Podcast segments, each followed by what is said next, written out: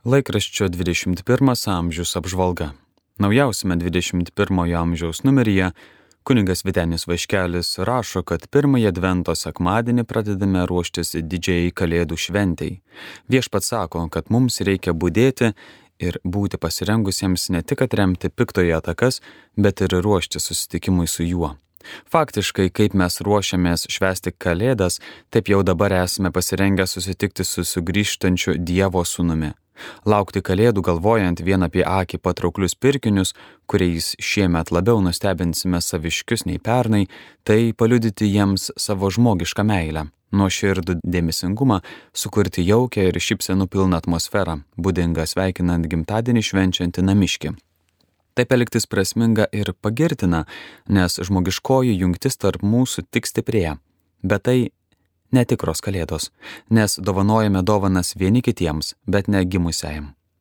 21-ojo amžiaus priede pro Vita Mindaugas Buik apžvelgia popiežiaus Pranciškaus atvirą laišką Junktinių tautų organizacijos, maisto ir žemės ūkio organizacijos generaliniam direktoriui, kuriame, minint pasaulinę maisto dieną, reiškiamas susirūpinimas pasaulyje vis dar aktualia bado problema.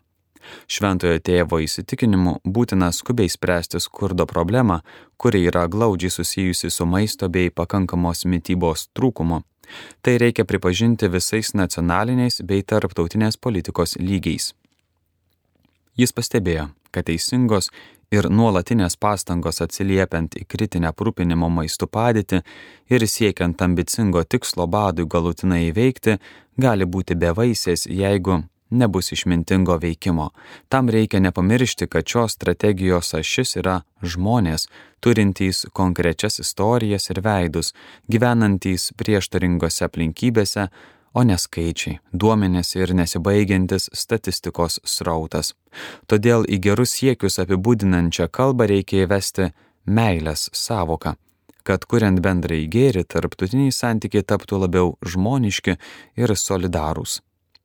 Minint Lietuvos kariuomenės dieną, laikraščio priede abipus Nemuno Birutė Nenenienė rašo apie unikalią Lietuvos vietą - tai Žalioji, miestelis Vilkaviškio rajone.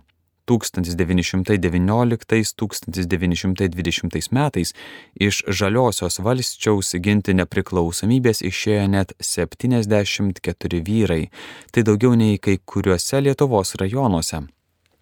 Per titulinius Šventojo Roko atlaidus parapijos klebonas palaimino šiems savanoriams skirtas atminimo lentas, kurios atsirado vieno iš savanorių sūnaus Stasio Tamošaičio rūpeščių.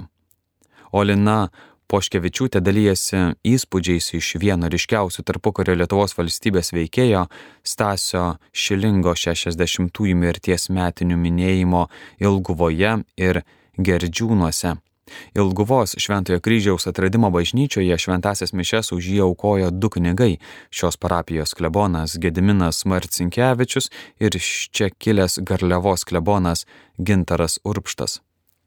Išėjo ir laikraštis Katalikas. Jame tesimi pamokslėliai apie išpažinti, kuriuos prieš 50 metų parašė kunigas Jonas Paliukas, buvęs tverų klebonu. Šį kartą jis teigia, jog nuodėm klausiai gali būti dviejopi - geri ir blogi. Taip pat gali būti dviejopas jų gerumas ir blogumas. Geri ar blogi penitentų nuomonė ir geri ar blogi iš tiesų. Suprantama, jog dažnai šitie du požiūriai gali sutapti, bet dažniau jie nesutampa žiūrint tai, kiek pajėgus yra penitentas objektyviai vertinti ir spręsti.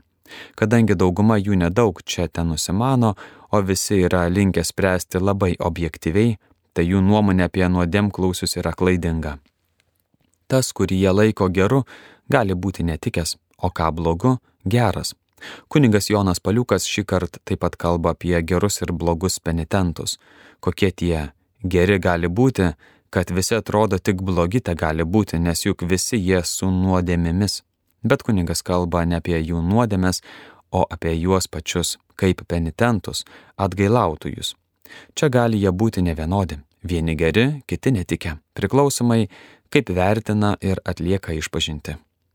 Birutė Nenenienė ir Kazimiera Sipienė katalikė pasakoja apie maldininkų keliones. Alvito parapiečiai lankėsi Kaišėdoryse, o gargždiškiai telšiuose. Keliauti skatina noras pamatyti, išgirsti, sužinoti apie tas vietas, kuriuose dar nesame buvę, rašo Kazimiera Sipienė. Katalikas rašo apie tai, kaip jaučiasi kunigas, tik šiemet pradėjęs dirbti naujoje parapijoje. Šį kartą Lina Poškevičiūtė to klausė Sintautų klebono, kuriuo nuo gegužės pradėjo dirbti kunigas Romas Budrevičius. Katalikas dar rašo apie iškilmes Alitaus Šventojo Lidviko bažnyčioje, kuri pašventinta po remonto. Prieš daugiau kaip 200 metų statyta bažnyčia buvo avarinės būklės. Kaip visada, katalikas spausdina mirusių kunigų nekrologus. Šiomis dienomis mirė prelatas Edmundas Putrimas ir kanauninkas Anupras Gauronskas. Apžvalga parengė laikraščio 21 amžius redakcija. Pasirodė naujas žurnalo Jėzuitai numeris. Pamastykime, kas man yra garbingumas, iš ko jo mokėmės, kaip jis pasireiškia ir ką turime mintyse sakydami, kad žmogus yra garbingas. Įžanginėme ką tik pasirodžiusią žurnalo Jėzuitai numerio tekste klausė vyriausiasis redaktorius tėvas Vidmantas Šimkūnas. Atsakymas į šį klausimą tiesiogiai ar netiesiogiai skleidžiasi daugelį numeryje publikuojamų tekstų. Pirmiausia, paties tėvo Vidmanto svarstymuose koks yra jėzuitų veikimo būdas ir kuo jis universalus bei aktualus šiandien, ką reiškia kvietimas į selovados tarnystę ir kaip jį realizuojasi praktikoje, rašo Šventųjų Jonų bažnyčios selovados komandos narė Rūta Grigas, o apie ilgametę tarnystę toje pačioje bažnyčioje vadovaujant gospelo chorui bei apie savo dvasinę kelionę pasakoja Kristina Žaldokaitė. Ignaciškojo ugdymo ypatybės asmenybės formavimui žurnale atskleidžia Vilniaus Jėzuitų gimnazijos alumne ir tos pačios gimnazijos mokytoja Goda Sungailaitė, bei Šventojo Ignaco Lojolos kolegijos direktorius Aivaras Anužis. Gimnazijai Šventojo Kazimiero bažnyčios paunksmėje šimtas metų ir prieš šimtą metų jėzuitai grįžo į Lietuvą. Šie straipsniai skirti dviem svarbioms sukaktims, o Juratės Micevičiūtės publikacija Penki Šventojo Ignaco kelio etapai žmogaus tapsmas primena apie neseniai pasibaigusius jubiliejinius Šventojo Ignaco metus, kurie Lietuvoje praėjo beveik nepastebimai ir pristato netrukus tokiu pačiu pavadinimu pasirodysiančią Šventojo Ignaco dvasiniam ir piligrimų keliui skirtą savo knygą. Beje, pirmą tokią lietuvių kalbą. Tėvas jėzuitas Antanas Saulaitis šiame žurnalo numeryje prisimena įdomią istorinių vėliavų atkūrimo istoriją, jam pelniusią kultūros riterio apdovanojimą. Įvairia pusiška tėvo Antano veikla prisimenama ir tebeduoda vaisių abiejose Atlanto pusėse. Tai savo rašinyje bendruomenės diena vienybės įvairovė pabrėžia ir Gražvidas Bareišis.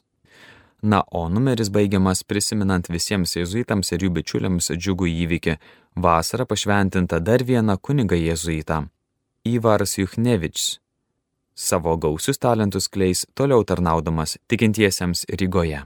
Kaip paprastai jėzuitai savo veiklai laukia paramos. Galbūt trumpa publikacija paskutiniuose numerio puslapiuose užves ant kelio mastant apie tai, kaip reiškiasi mūsiškis garbingumas.